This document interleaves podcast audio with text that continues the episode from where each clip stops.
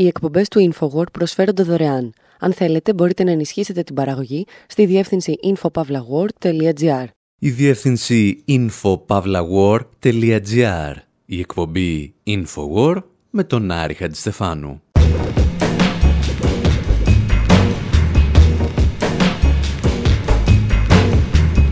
όπου σήμερα αναρωτιόμαστε ποιο παγωτό έχει το ηθικό πλεονέκτημα και ποιο θα μπορούσατε να αφήσετε στην κατάψυξη. Παρακολουθούμε την ιστορία των Ηνωμένων Πολιτειών της Αμερικής με ένα παγωτό χωνάκι, από τότε που ο Τόμας Τζέφερσον εισήγαγε κάτι συνταγές από τη Γαλλία. Και ύστερα διηγούμαστε την ιστορία ενός παγωτού που πάγωσε το αίμα του αμερικανικού πολιτικού κατεστημένου συζητάμε για την απόφαση των Ben Jerry's να σταματήσουν να πουλάνε παγωτά στα κατεχόμενα παλαιστινιακά εδάφη. Αναρωτιόμαστε εάν η άρνηση χορήγησης παγωτού συνιστά τρομοκρατική ενέργεια και εάν είναι σωστό να σέρνεις το αφεντικό σου στα δικαστήρια. Και ύστερα αλλάζουμε θέμα και λέμε μερικές ιστορίες για vouchers βγαλμένες από τα πιο υγρά όνειρα του Μίλτον Φρίντμαν.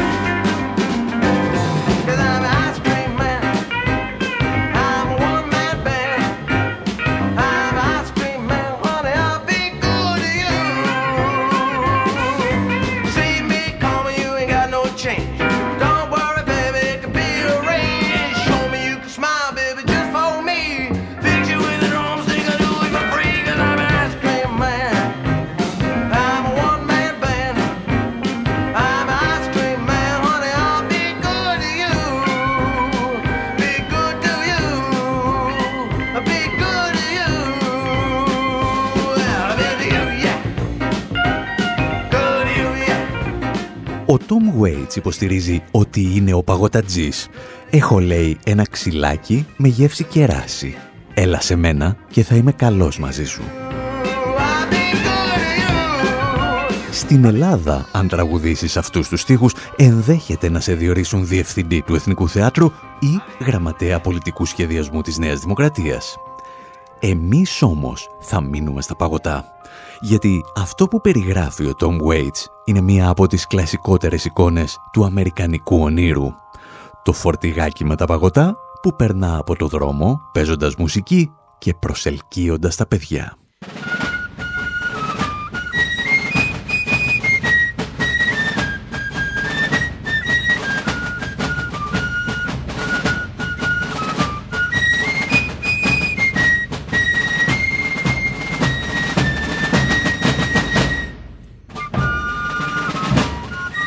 Το παγωτό είναι τόσο συνηθισμένο με τον Αμερικανικό πολιτισμό, ώστε αρκετοί στις Ηνωμένες Πολιτείες νομίζουν ότι ήταν αυτοί που το εφήβραν. Συγκεκριμένα πιστεύουν ότι το έκανε ο Τόμας Τζέφερσον. Το οποίο όμως, όπως μας εξηγούσε η σειρά Today I Found, είναι απλώς ένας μύθος. Contrary to shockingly popular myth, Jefferson didn't invent ice cream, but he did help popularize it in America by... Σε αντίθεση με ό,τι αναφέρει ένας απρόσμενα διαδεδομένος μύθος, ο Τόμα Τζέφερσον δεν εφήγηρε το παγωτό. Συνέβαλε όμως στη διάδοσή του, καθώς το προσέφερε σε διάφορες δεξιώσεις. Μια συνταγή του Τζέφερσον είναι η πρώτη συνταγή παγωτού στην οποία έχει καταγράψει σε χαρτί ένας Αμερικάνος.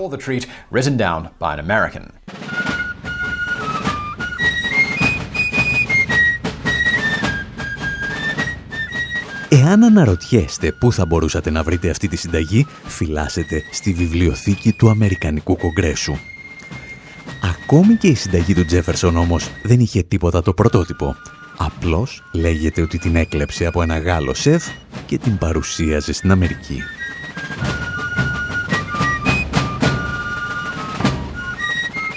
Οι Αμερικανοί προφανώς δεν θα μπορούσαν να είχαν εφεύρει το παγωτό, γιατί αυτό το είχαν κάνει πιθανότατα οι Πέρσες το 550 π.Χ.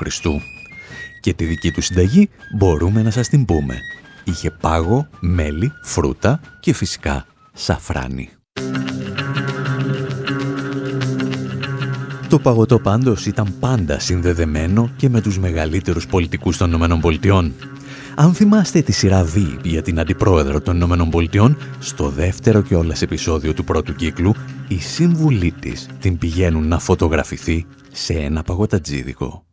Okay, Madam Vice President, this is Anthony Holland, the owner of the store. How do you do? Madam Vice President, welcome to Super Scooper. I thought we'd do the photo over here, if that's okay. Uh, sure. Όπως γνωρίζετε, αυτές οι τηλεοπτικές σειρές είναι βγαλμένες από τη ζωή. Γιατί παρόμοια επικοινωνιακά καραγκιουζλίκια έκανε και ο Μπαράκ Ομπάμα πάντα σε παγωτατζίδικα.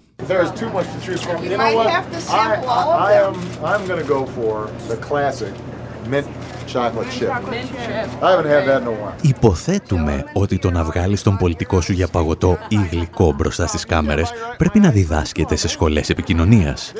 Κάτι σαν να τον αφήνεις να παραγγέλνει τσουρέκια κάθε φορά που ανεβαίνεις στη Θεσσαλονίκη. Για την ιστορία, αντίστοιχες ιστορίες παγωτού πάντως υπάρχουν για τον Biden, την Hillary Clinton, τον Τραμπ, αλλά ακόμη και τον Κέννεντι. Ενώ όμως το αμερικανικό πολιτικό σκηνικό έδειχνε καλά εκπαιδευμένο για να αντιμετωπίσει κάθε κατάσταση που αφορούσε τα παγωτά, κάποιοι δεν είχαν υπολογίσει καλά τα περίφημα Ben Jerry's, την τέταρτη μεγαλύτερη βιομηχανία παγωτού στον πλανήτη. Ιστορίες που θα σας διηγηθούμε με τη βοήθεια των Grateful Dead.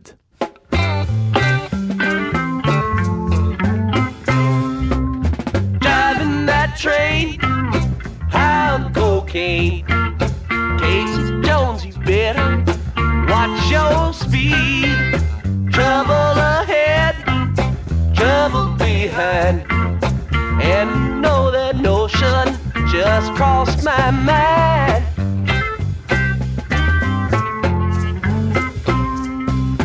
This old engine makes it on time.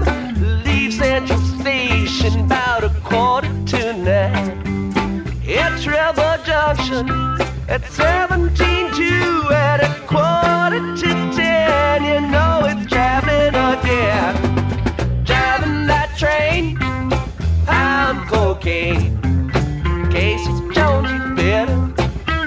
your speed.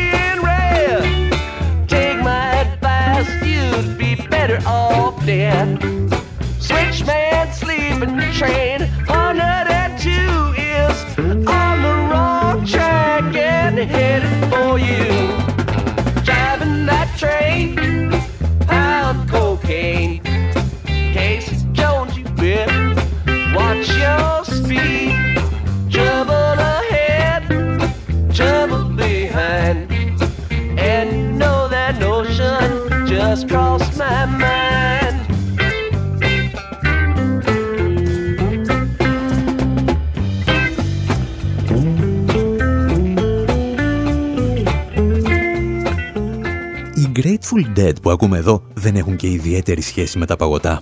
Ή τουλάχιστον έτσι νόμιζαν, γιατί ένα μέλος τους, ο Τζέρι Γκαρσία, έγινε παγωτό. Η εταιρεία Ben Jerry's έκανε ένα λογοπαίγνιο με το όνομά του και ονόμασε μία από τις διασημότερες γεύσεις της Cherry Garcia. Και η επιλογή του συγκροτήματος και του ονόματος δεν ήταν διόλου τυχαίες. Η Grateful Dead ήταν ένα χαρακτηριστικό δείγμα των ψυχεδελικών στοιχείων που επικράτησαν στο πέρασμα από τα 60s προς τα 70s.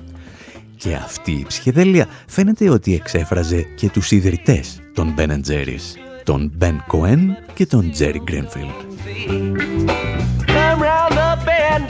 Η εταιρεία τους έκανε αυτό που κάθε διαφημιστής θα τους έλεγε να αποφύγουν.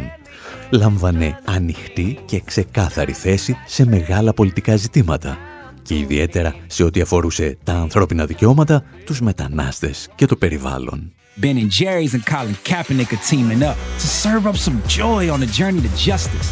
Introducing Change the World. All of Colin's proceeds go to his non-profit. Αυτό είναι ένα από τα διαφημιστικά της εταιρείας για ένα παγωτό με τον τίτλο Change the World και έχει τη δική του ιστορία. Όταν ο αθλητής του Αμερικανικού ποδοσφαίρου, Colin Kaepernick, άρχισε να γονατίζει κατά την ανάκρουση του Αμερικανικού Εθνικού Ύμνου, διαμαρτυρόμενος για τις δολοφονίες μαύρων από την αστυνομία, η Ben Jerry's έφτιαξε προς τιμήν του μια νέα γεύση παγωτού. Και τα έσοδα από αυτά τα παγωτά τα διέθετε σε οργανώσεις για τα δικαιώματα των μαύρων. Αργότερα, όταν η αστυνομία δολοφόνησε τον George Floyd, τα Ben Jerry's παρουσίασαν τη γεύση Change is Brewing και στο διαφημιστικό του παγωτού έλεγαν «Σταματήστε να δίνετε λεφτά για την αστυνομία, δώστε λεφτά για τους ανθρώπους». Σκεφτείτε παραδείγματος χάρη μια ελληνική εταιρεία παγωτού να λανσάρει μια νέα γεύση αφιερωμένη στον Αλέξανδρο Γρηγορόπουλο λέγοντας όχι άλλα λεφτά για παπάδες και αστυνομικούς, θέλουμε γιατρούς, πυροσβέστες και καθηγητές. Το αμερικανικό πολιτικό κατεστημένο πάντως έδειχνε να ανέχεται αυτή την κατάσταση. Μέχρι τη στιγμή που η εταιρεία αποφάσισε να τα βάλει με το Ισραηλινό λόμπι. Εδώ τα εξηγούσε ο ίδιος ο Μπεν ή ο Τζέρι. We're always in favor of a two-state solution. The policy of the Israeli government Υποστηρίζαμε πάντα τη λύση των δύο κρατών.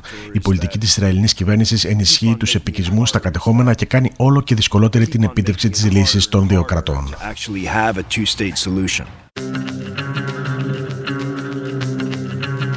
Η εταιρεία βέβαια δεν έμεινε στα λόγια, αλλά προχώρησε σε συγκεκριμένες ενέργειες. Ben and Jerry's has announced it will stop selling its ice cream in Israeli settlements in the occupied West Bank, saying it's quote inconsistent with our. Η Ben Jerry's ανακοίνωσε ότι θα σταματήσει να πουλά τα παγωτά της στους Ισραηλινούς επικισμούς στην κατεχόμενη Δυτική Όχθη, λέγοντας πως έρχεται σε σύγκρουση με τις αξίες της. Οι υποστηρικτέ του BDS, του κινήματος Μποϊκοτάζ, από επένδυσης και κυρώσεων, χαιρέτησαν την απόφαση η οποία έρχεται έπειτα από χρόνια πιέσεων οργανώσεων για τη δικαιοσύνη στην Παλαιστίνη. Ο νέος Υπουργός Εξωτερικών του Ισραήλ, Γιαήρ Λαπίντ, κατακεράβνωσε την απόφαση της Ben Jerry's ισχυριζόμενος ότι ήταν μια ντροπιαστική συνθηκολόγηση με τον αντισημιτισμό. Η Ben Jerry's ιδρύθηκε στο Vermont από τους Ben Cohen και Jerry Greenfield, που είναι και οι δύο Εβραίοι.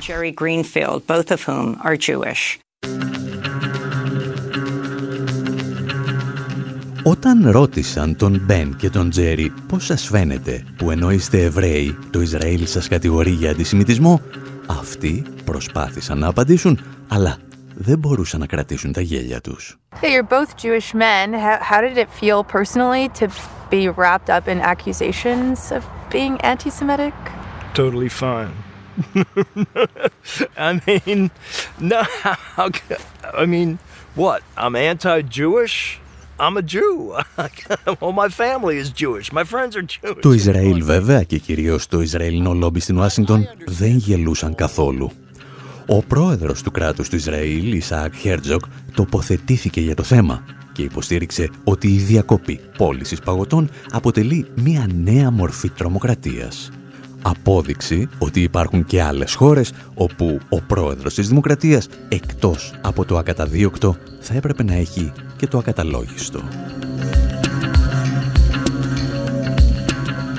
Το Ισραήλ πάντως τέθηκε επί πολέμου και ίσως για πρώτη φορά στην ιστορία ένα κράτος τα έβαζε με μια εταιρεία παγωτού. The Israeli government is launching a legal attack against Ben Jerry's over the company's plan to Η Ισραηλινή κυβέρνηση εξαπέλυσε νομική επίθεση κατά της Ben Jerry's με αντικείμενο τα σχέδια της εταιρείας να σταματήσει να πουλά παγωτά στους παράνομους Ισραηλινούς επικισμούς στην κατεχόμενη Δυτική Όχθη και την κατεχόμενη Ανατολική Ιερουσαλήμ. Ο πρέσβης του Ισραήλ στις ΗΠΑ ζήτησε από 35 κυβερνήτες πολιτιών να εφαρμόσουν πολιτιακούς νόμους που θα κάνουν παράνομη τη στήριξη στο κίνημα μποϊκοτάζ από επένδυσης και κυρώσεων, το γνωστό BTS. Εν τω μεταξύ, ο Ρεπουμπλικανός Αμερικανό γερουσιαστής James Langford από την Οκλαχώμα ζήτησε από την πολιτεία του να μπλοκάρει τις πωλήσεις προϊόντων της Ben Jerry's, ισχυριζόμενος ότι η νέα πολιτική της εταιρείας παραβιάζει τον νόμο κατά του BDS που ισχύει στην Οκλαχώμα. Η Ben Jerry's έχει δηλώσει πως οι πόλει παγωτούς επικισμούς θα έρχονταν σε σύγκρουση με τις αξίες της.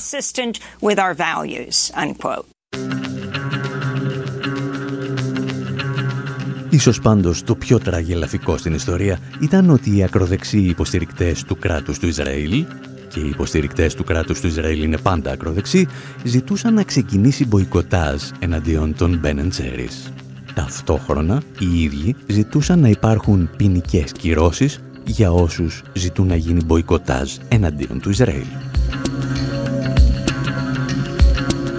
Η μάχη πάντως θα μπορούσε και να έχει τερματιστεί ανέμακτα εάν δεν παρενέβαινε μία άλλη πολυεθνική για να χτυπήσει πισόπλατα τα Ben Jerry's ιστορίες για να διηγηθούμε ύστερα από αυτό.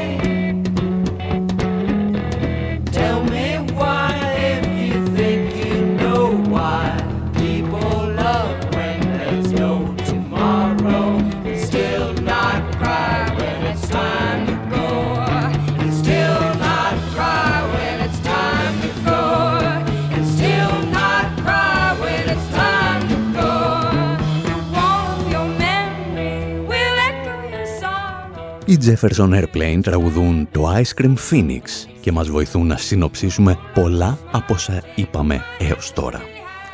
Ένα συγκρότημα που εμπνεύστηκε το όνομά του και από τον Thomas Jefferson, το οποίο συνεργάστηκε με τον Jerry Garcia, τραγουδά εδώ για παγωτά με ρυθμούς ελαφρώς ψυχεδελικούς.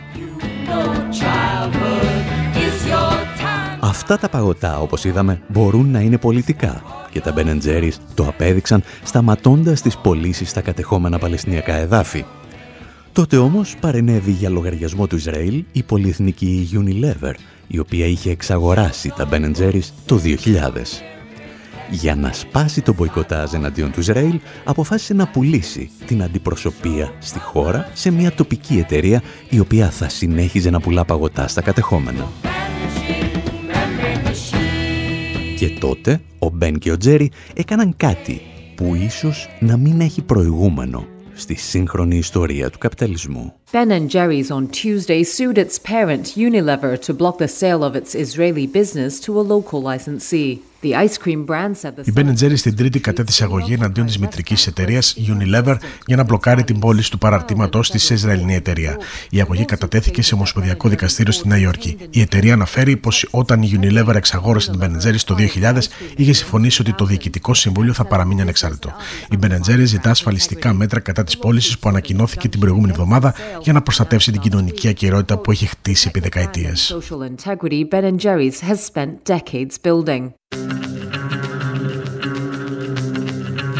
Η Ben Jerry's λοιπόν κατέθεσε αγωγή εναντίον της μητρικής της εταιρείας για λόγους πολιτικής αξιοπρέπειας.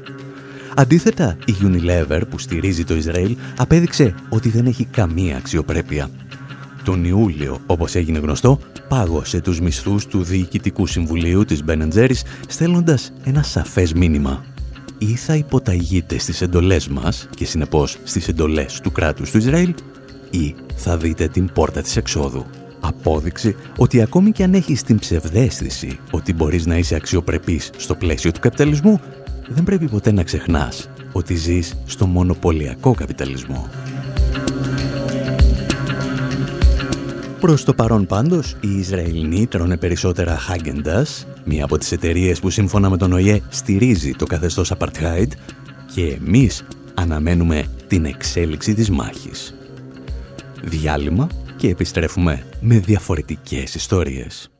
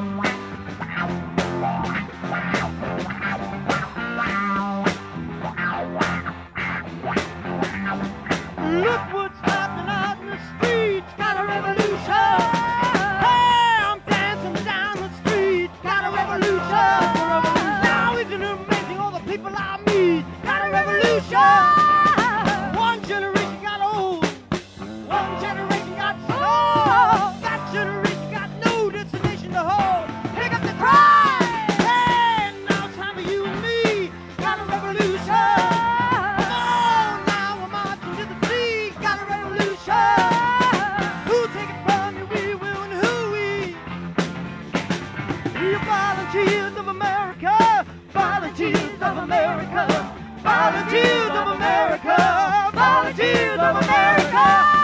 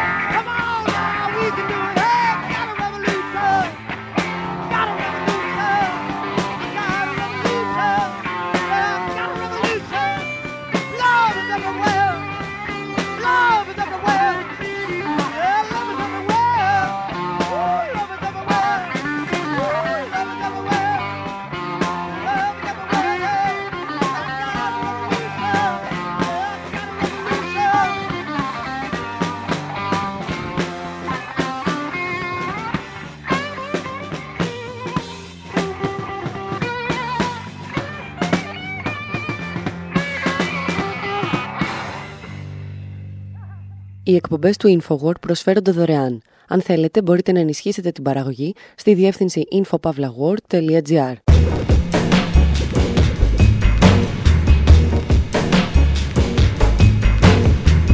Εκπομπή InfoWord, μέρος δεύτερο.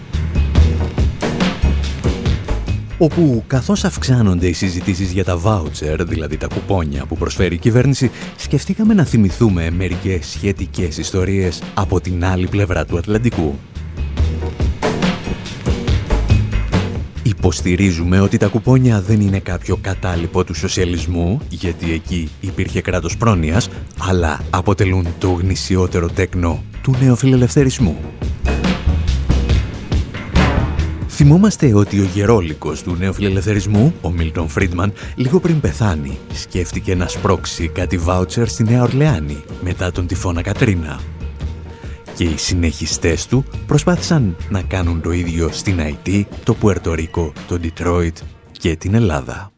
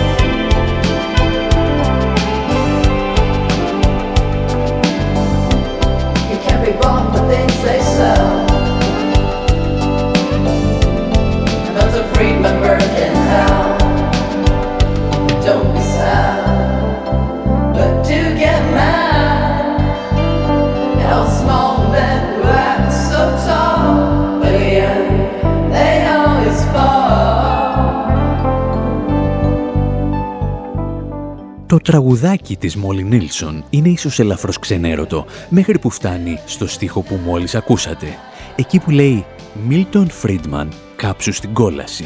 Γιατί όλα τα ανθρωπάκια που κάνουν τους σπουδαίους κάποια στιγμή εξαφανίζονται.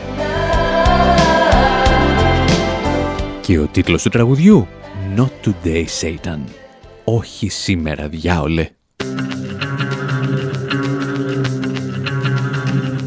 Εμείς πάντως σήμερα από το έργο του πατέρα του νεοφιλελευθερισμού μας ενδιαφέρει μόνο το κύκνιο άσμα του. Ένα κείμενο που δημοσιεύτηκε στις 5 Δεκεμβρίου του 2005 στην εφημερίδα Wall Street Journal. Και από αυτό το κείμενο εμπνεύστηκε ή μάλλον εξοργίστηκε η Naomi Klein για να γράψει το βιβλίο της «Το δόγμα του σοκ». Milton Friedman Ο Μίλτον Φρίντμαν, και ξεκινώ το βιβλίο μου με αυτή την ιστορία, έγραψε ένα από τα τελευταία κείμενά του για τη Wall Street Journal.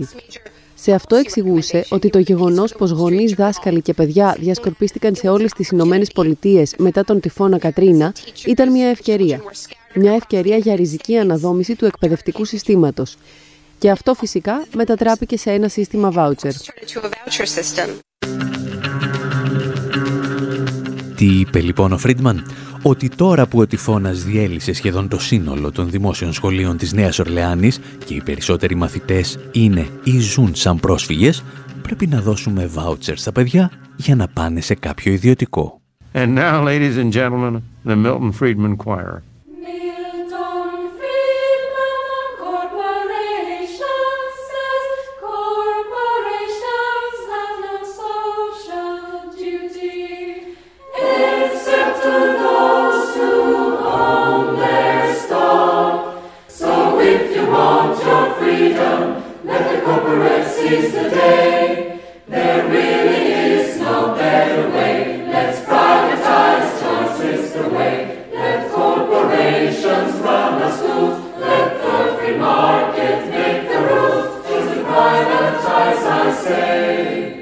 Ο Φρίντμαν ήθελε πάντα να ιδιωτικοποιήσει την εκπαίδευση, όπως μας εξηγεί και αυτό το χορδιακό κομμάτι. Το 2005 όμως ήταν πολύ γέρος για να αντιδράσει γρήγορα και η πρότασή του για τα vouchers ήρθε δεύτερη και καταϊδρωμένη. Την ίδια ιδέα είχε παρουσιάσει μόλις 15 ημέρες μετά τον τυφώνα μια επιτροπή ρεπουμπλικάνων του Αμερικανικού Κογκρέσου. Και επικεφαλής εκείνης της επιτροπής ήταν ο Μάικλ Πένς. Η ιδέα προφανώς εγκρίθηκε και όπως εξηγούσε ο συγγραφέας Σι Καν μιλώντας στο Democracy Now, το Αμερικανικό κράτος πέταξε περίπου 2,5 δισεκατομμύρια δολάρια σε ιδιωτικά σχολεία της Νέας Ορλεάνης. Katrina, the response that we're seeing is not a humanitarian response, it's not a humane response. It is let's see how much contracts, sole source contracts can be given. Στον τυφώνα Κατρίνα η απάντηση που βλέπουμε δεν είναι μια ανθρωπιστική απάντηση, δεν είναι μια ανθρώπινη απάντηση. Είναι η εξής. Α δούμε πόσα αποκλειστικά συμβόλαια μπορούν να δοθούν στη Halliburton, στη Lockheed Martin, στην Walmart, στην Home Depot. Ένα παράδειγμα αποτελεί η πρόταση να ληφθούν 2,6 δισεκατομμύρια δολάρια για να δημιουργηθούν voucher που θα επιτρέψουν στα παιδιά να πάνε σε ιδιωτικά σχολεία σε όλη τη χώρα. Η κυβέρνηση Bush έχει παλέψει παλέψει για να ιδιωτικοποιήσει την εκπαίδευση. Α πούμε λοιπόν τα πράγματα με το όνομά τους. Θέλει να καταστρέψει τη δημόσια εκπαίδευση και να την σπρώξει στα χέρια κερδοσκοπικών εταιριών. Εκμεταλλεύονται αυτή την πρωτοφανή καταστροφή, αυτή την ανθρώπινη τραγωδία, για να μεταφέρουν 2,6 δισεκατομμύρια δολάρια σε ιδιωτικές εταιρείες εκπαίδευσης.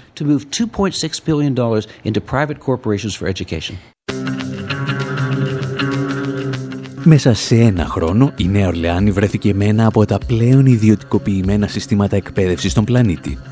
Από τα 123 δημόσια σχολεία που διέθετε πριν από τον τυφώνα, επιβίωσαν μόνο 4, με αποτέλεσμα να απολυθούν και 4.700 δάσκαλοι και καθηγητές.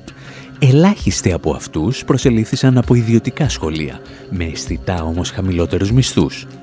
Και φυσικά μόνο αφού υποχρεώθηκαν να αποχωρήσουν από τα συνδικάτα στα οποία συμμετείχαν.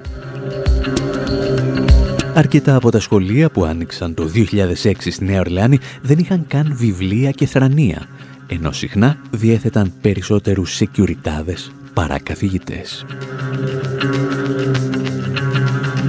Για αυτά βέβαια δεν ευθύνονται μόνο τα vouchers γιατί μαζί με αυτά το Αμερικανικό κράτος επιδοτούσε και τα λεγόμενα charter schools, δηλαδή σχολεία που χρηματοδοτούνται αποκλειστικά από το κράτος, αλλά λειτουργούν χωρίς σχεδόν κανένα δημόσιο έλεγχο, σαν ιδιωτικά ιδρύματα. Πρόκειται για ένα θεσμό που εισήγαγαν οι δημοκρατικοί επί προεδρίας Bill Clinton με στόχο να ιδιωτικοποιήσουν την εκπαίδευση από το παράθυρο γιατί ως γνωστόν οι δημοκρατικοί, οι σοσιαλδημοκράτες και οι μετανοημένοι αριστεροί είναι οι βασιλιάδες των ιδιωτικοποιήσεων και όλοι οι άλλοι είναι απλώς οδοντόκρεμες. Γι' αυτό άλλωστε ο Μπαράκ Ομπάμα έδινε τις μεγαλύτερες μάχες για να διπλασιάσει το budget των charter schools. Well, with the Obama administration asking Congress to increase funding for charter schools by almost 50%, Καθώς η κυβέρνηση Ομπάμα ζητά από το Κογκρέσο την αύξηση χρηματοδότησης για τα σχολεία τσάρτερ κατά σχεδόν 50%, μια νέα έκθεση αναφέρει ότι τα συγκεκριμένα σχολεία ήδη ξοδεύουν δισεκατομμύρια δολάρια ομοσπονδιακού χρήματος με σχεδόν καμία επίβλεψη ρυθμιστικό πλαίσιο ή λογοδοσία. Η έκθεση δημοσιεύτηκε από το Κέντρο για τα Μίντια και τη Δημοκρατία. Σύμφωνα με την έκθεση, η ομοσπονδιακή κυβέρνηση έχει ξοδέψει περισσότερα από 3 δισεκατομμύρια δολάρια μέσα στις τελευταίες δύο δεκαετίες στη βιομηχανία των σχολείων τσάρτερ, αλλά δεν υπάρχει καμία βάση δεδομένων που να δείχνει πώς ξοδεύονται αυτά τα χρήματα και τι αποτελέσματα αποτελέσματα παράγουν.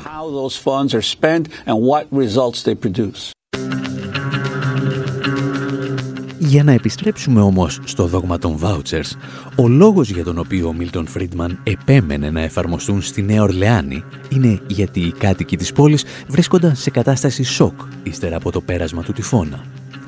Και όπως μας έχει μάθει η Naomi Klein, αυτή είναι η καλύτερη στιγμή για να επιβάλλεις ιδιωτικοποιήσεις και άνοιγμα στην οικονομία της αγοράς.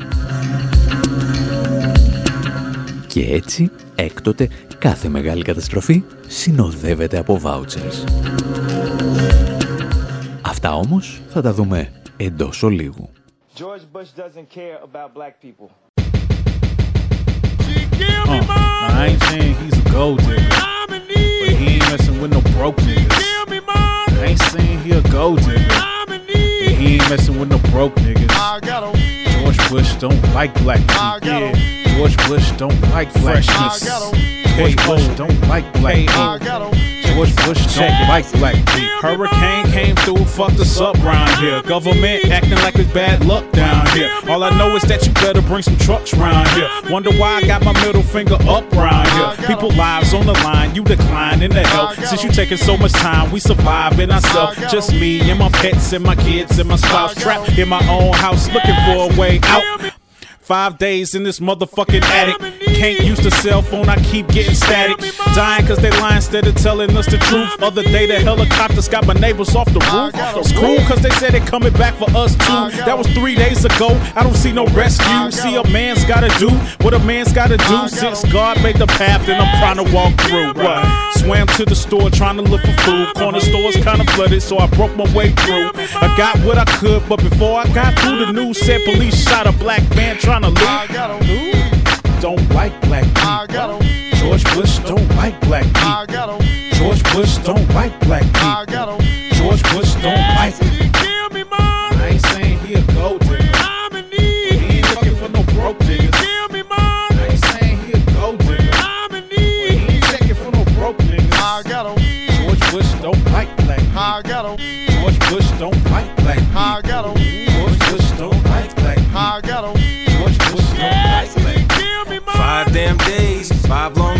At the end of the fifth, he's walking in like, hey. Chillin' on his vacation, sitting patiently. Them black folks gotta hope, gotta wait and see if FEMA really comes through in an emergency. But nobody seems to have a sense of urgency. Now the mayor's been reduced to crying, and guess Bush said niggas been used to dying. He said, I know it looks bad, just have to wait. Forgetting folks were too broke to evacuate. Niggas starving and they dying of thirst. I bet he had to go and check on them refineries first. Making a killing off the price of gas. He would have been up in Connecticut twice as fast. After all that we've been through, nothing's changed. You can call Red Cross, but the fact remains that George Bush ain't a gold digger. But he ain't fucking with no broke niggas. George Bush ain't a gold digger. But he ain't fucking with no broke niggas. Come down, Bush, come on, come down. Come down, Bush, come on, come down. Come down, Bush, come on, come down. Παραμένετε στην εκπομπή Infowar, παραμένω ο Άρης Στεφάνου και ακούμε τον Legendary KO που εξηγούσε τι σήμαινε να είσαι μαύρος στη Νέα Ορλεάνη με πρόεδρο τον George Bush και ακραία φυσικά φαινόμενα στην πόλη σου. Come down, George, come on, come down. Σήμαινε μεταξύ άλλων ότι κάποιοι θα εκμεταλλεύονταν το γεγονός όταν ήσουν αποκλεισμένος και σε κατάσταση πανικού για να ιδιωτικοποιήσουν το σύστημα εκπαίδευσης μέσω των vouchers. Το πρόγραμμα ήταν τόσο επιτυχημένο για τους αεριτζίδες της ιδιωτικής εκπαίδευσης, ώστε ο πρόεδρος Ομπάμα σκέφτηκε να ακολουθήσει το ίδιο μοντέλο και ύστερα από τον καταστροφικό σεισμό της Αιτής. Το 2010, καθώς η IT θερινεί 300.000 νεκρούς και εκατομμύρια αστέγους και ενώ ετοιμάζεται να υποδεχθεί και μία επιδημία χολέρας, φτάνουν στη χώρα διεθνείς οργανισμοί που ελέγχονται από τις Ηνωμένες Πολιτείες. Και αμέσως μοιράζονται τους τομείς της οικονομίας που θα έπρεπε να ιδιωτικοποιηθούν.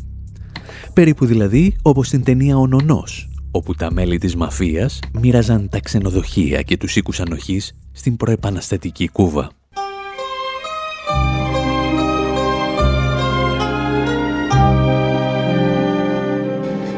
All of you will share.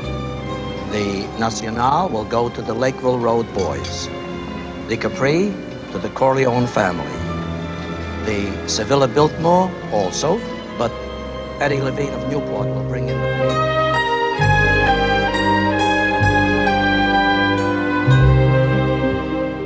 Στην περίπτωση της ΑΕΤΗΣ, η μοιρασιά ήταν ακόμη πιο εύκολη. Η Διαμερικανική Τράπεζα Ανάπτυξης ανέλαβε να ιδιωτικοποιήσει την εκπαίδευση και τα δίκτυα ίδρευσης. Η Αμερικανική Υπηρεσία Διεθνούς Ανάπτυξης στην βιομηχανική παραγωγή, η Παγκόσμια Τράπεζα της Τηλεπικοινωνίας και ούτω καθεξής. Επικεφαλής της προσπάθειας τέθηκε από την πρώτη στιγμή η Αμερικανική Πρεσβεία, η οποία συμπεριφερόταν στους πολιτικούς της ΑΕΤΗΣ όπως ο Αμερικανός πρέσβης Πιουριφόη στον Παπάγο και τον Πλαστήρα τη δεκαετία του 50. Φυσικά, η ιδιωτικοποίηση της εκπαίδευσης ήρθε και πάλι με τη μορφή των vouchers. Το πρόγραμμα μάλιστα θα στήχιζε στο κράτος 700 εκατομμύρια δολάρια το χρόνο, δηλαδή 7 φορές περισσότερο από τα 100 εκατομμύρια δολάρια που έδινε για τη δημόσια εκπαίδευση.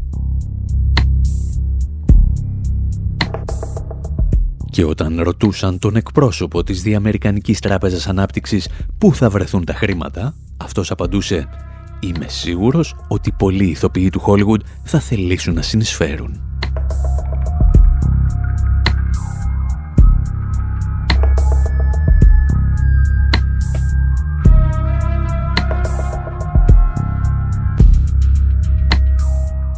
Μετά τη Νέα Ορλεάνη και την Αϊτή, τα vouchers θα γίνουν συνώνυμο του δόγματος του σοκ. Οι Ηνωμένες Πολιτείες θα τα δοκιμάσουν επίσης όταν χρεοκοπήσει το Detroit και μετά τον τυφώνα Μαρία στο Πουερτο Ρίκο. Όποιος βρίσκεται καταπλακωμένος στα ερήπια ενός σεισμού ή ενός τυφώνα, αν πεθαίνει από κάποια πανδημία ή βρίσκεται στο δρόμο λόγω χρεοκοπίας, αρπάζει ένα βάουτσερ και μπορεί να στείλει τα παιδιά του σε ένα ιδιωτικό σχολείο με λεφτά των φορολογούμενων. Και κάπου εδώ προκύπτει το ερώτημα «Και είναι καλά αυτά τα vouchers» Θα απαντήσουμε ύστερα από αυτό.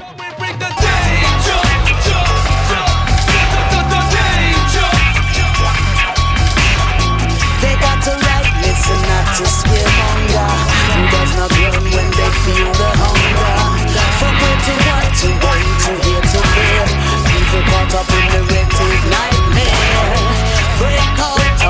Attention,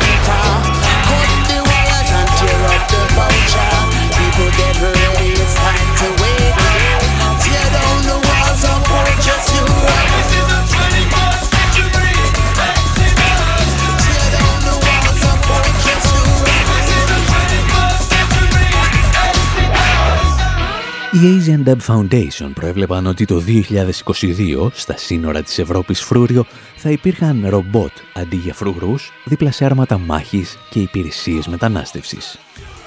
Και εκείνη τη στιγμή έλεγαν θα πρέπει να κόψεις το σειρματόπλεγμα και να κάψεις τα vouchers. Η δική μας ιστορία βέβαια δεν αφορά μόνο τα vouchers των μεταναστών, αλλά κυρίως των ημεδαπών.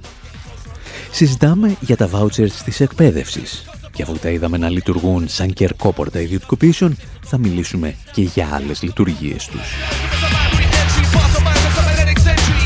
Στις Ηνωμένες Πολιτείες, παραδείγματος χάρη, λειτουργούν σαν ένας μηχανισμός για την ενίσχυση της θρησκευτικής διδασκαλίας σε βάρος του Αμερικανικού Συντάγματος. Το ρεπορτάζ είχε το Αμερικανικό δημόσιο ραδιόφωνο του NPR. School vouchers are a big, controversial idea that President Trump and Education Secretary Betsy DeVos both support. Some 15 states offer them, plus Washington, D.C., which has the only federally funded voucher program. Τα σχολικά βάουτσερ είναι μια αμφιλεγόμενη ιδέα, την οποία στηρίζουν ο πρόεδρος Τραμπ και ο υπουργός παιδείας Μπέτσι Ντεβό. Τα προσφέρουν περίπου 15 πολιτείες συμπεριλαμβανομένης της πολιτείας της Ουάσιγκτον. Ένα παραδοσιακό πρόγραμμα βάουτσερ επιτρέπει στους γονείς να επιλέξουν πού θα ξοδέψουν όλα ή μέρος των χρημάτων που η πολιτεία θα ξόδευε για το παιδί τους αν πήγαινε σε δημόσιο σχολείο. Σε αυτό συμπεριλαμβάνεται το να πάνε τα χρήματα σε ιδιωτικό σχολείο ή ακόμα και σε ένα ιδιωτικό θρησκευτικό σχολείο. Γι' αυτό οι επικριτές υποστηρίζουν πως τα βάουτσερ παραβιάζουν το Αμερικανικό Σύνταγμα, σύμφωνα με το οποίο το Κογκρέσο δεν μπορεί να νομοθετεί υπέρ κάποιας θρησκείας. Το 2002 όμως το Ανώτατο Δικαστήριο αποφάσισε ότι το πρόγραμμα βάουτσερ της πολιτείας του Οχάιο ήταν συνταγματικό. Το δικαστήριο απεφάνθη πως δεν ήταν η κυβέρνηση που επέλεγε να εξοδέψει χρήματα σε θρησκευτικά σχολεία, αλλά οι γονείς. Και αυτό ήταν που έκανε όλη τη διαφορά.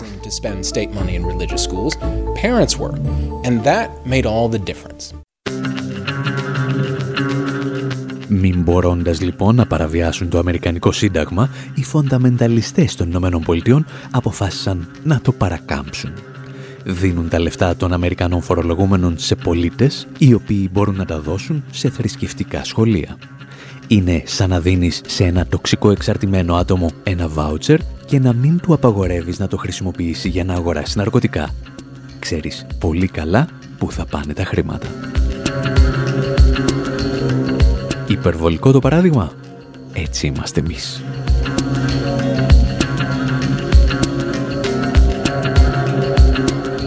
Τα προβλήματα όμως δεν σταματούσαν εκεί. Γιατί, όπως εξηγούσε το NPR, τα παιδιά έπαιρναν μεν τα vouchers αντί να λαμβάνουν δωρεάν δημόσια εκπαίδευση, αλλά αυτό δεν σήμαινε αναγκαστικά ότι τα ιδιωτικά σχολεία θα τα δέχονταν. Now, supporters of vouchers say they're a kind of social justice, giving low income students access to schools they couldn't otherwise afford. Οι υποστηρικτές των βάουτσερ λένε ότι είναι ένα είδος κοινωνικής δικαιοσύνης. Δίνουν σε μαθητέ χαμηλών εισοδημάτων πρόσβαση σε σχολεία στα οποία δεν θα είχαν τα χρήματα να πάνε. Από την άλλη, οι επικριτές των βάουτσερ ισχυρίζονται πως πολύ συχνά αυτά τα προγράμματα επιτρέπουν δημόσια χρήματα σε ιδιωτικά σχολεία. Κάποια προγράμματα μάλιστα επιτρέπουν στα ιδιωτικά σχολεία να επιλέξουν τους μαθητές που θα δεχτούν. Έτσι μπορούν να αρνηθούν την πρόσβαση σε μαθητές χαμηλών επιδόσεων ή ακόμα και σε μαθητές με αναπηρίε. Και κάπου εδώ φτάνουμε στο τελικό ερώτημα. Ακόμη και αν ξεχάσουμε τους τρόπους με τους οποίους επιβάλλονται, μπορεί τελικά τα vouchers να είναι καλύτερα για έναν μαθητή ή έναν εκπαιδευόμενο; Η εμπειρία των Ηνωμένων Πολιτειών, μας λέει το NPR, είναι ελαφρώς προβληματική. As for the research on vouchers, it's been mixed. There's limited evidence early on that some students benefited from a shift to private schools, but more recent studies of programs. Τα συμπεράσματα ερευνών σχετικά με τα βάουτσερ είναι ανάμεικτα. Υπήρχαν περιορισμένες ενδείξεις ότι κάποιοι μαθητές ωφελήθηκαν από τη μετακίνηση ιδιωτικά σχολεία. Πιο πρόσφατες έρευνες όμως σε προγράμματα της Λουζιάννα, το Χάιο, την πολιτεία της Ουάζιγκτον και της Ινδιανάπολης έδειξαν ότι οι μαθητές των βάουτσερ χάνουν έδαφος και μάλιστα σημαντικά. Πολλές έρευνες όμως συμφωνούν ότι υπάρχει ένα πιθανό όφελος των βάουτσερ. Παρουσιάζεται μια μικρή βελτίωση επιδόσης των μαθητών κοντινών δημόσιων σχολείων.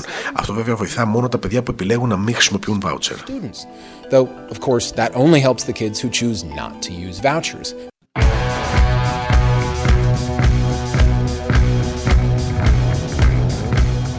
Κάπου εδώ όμως θα σας αφήσουμε σε αυτή την πρώτη εκπομπή της νέας ραδιοφωνικής σεζόν. Να σας θυμίσουμε ότι οι καλοκαιρινές διακοπές και τα ταξίδια προσφέρονται για podcast και θα βρείτε μερικές εκατοντάδες από δάφτα στη σελίδα μας info.pavlawar.gr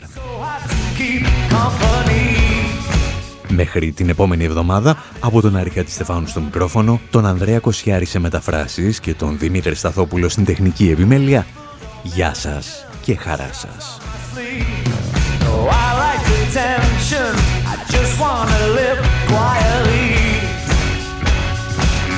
in misery company. Yeah.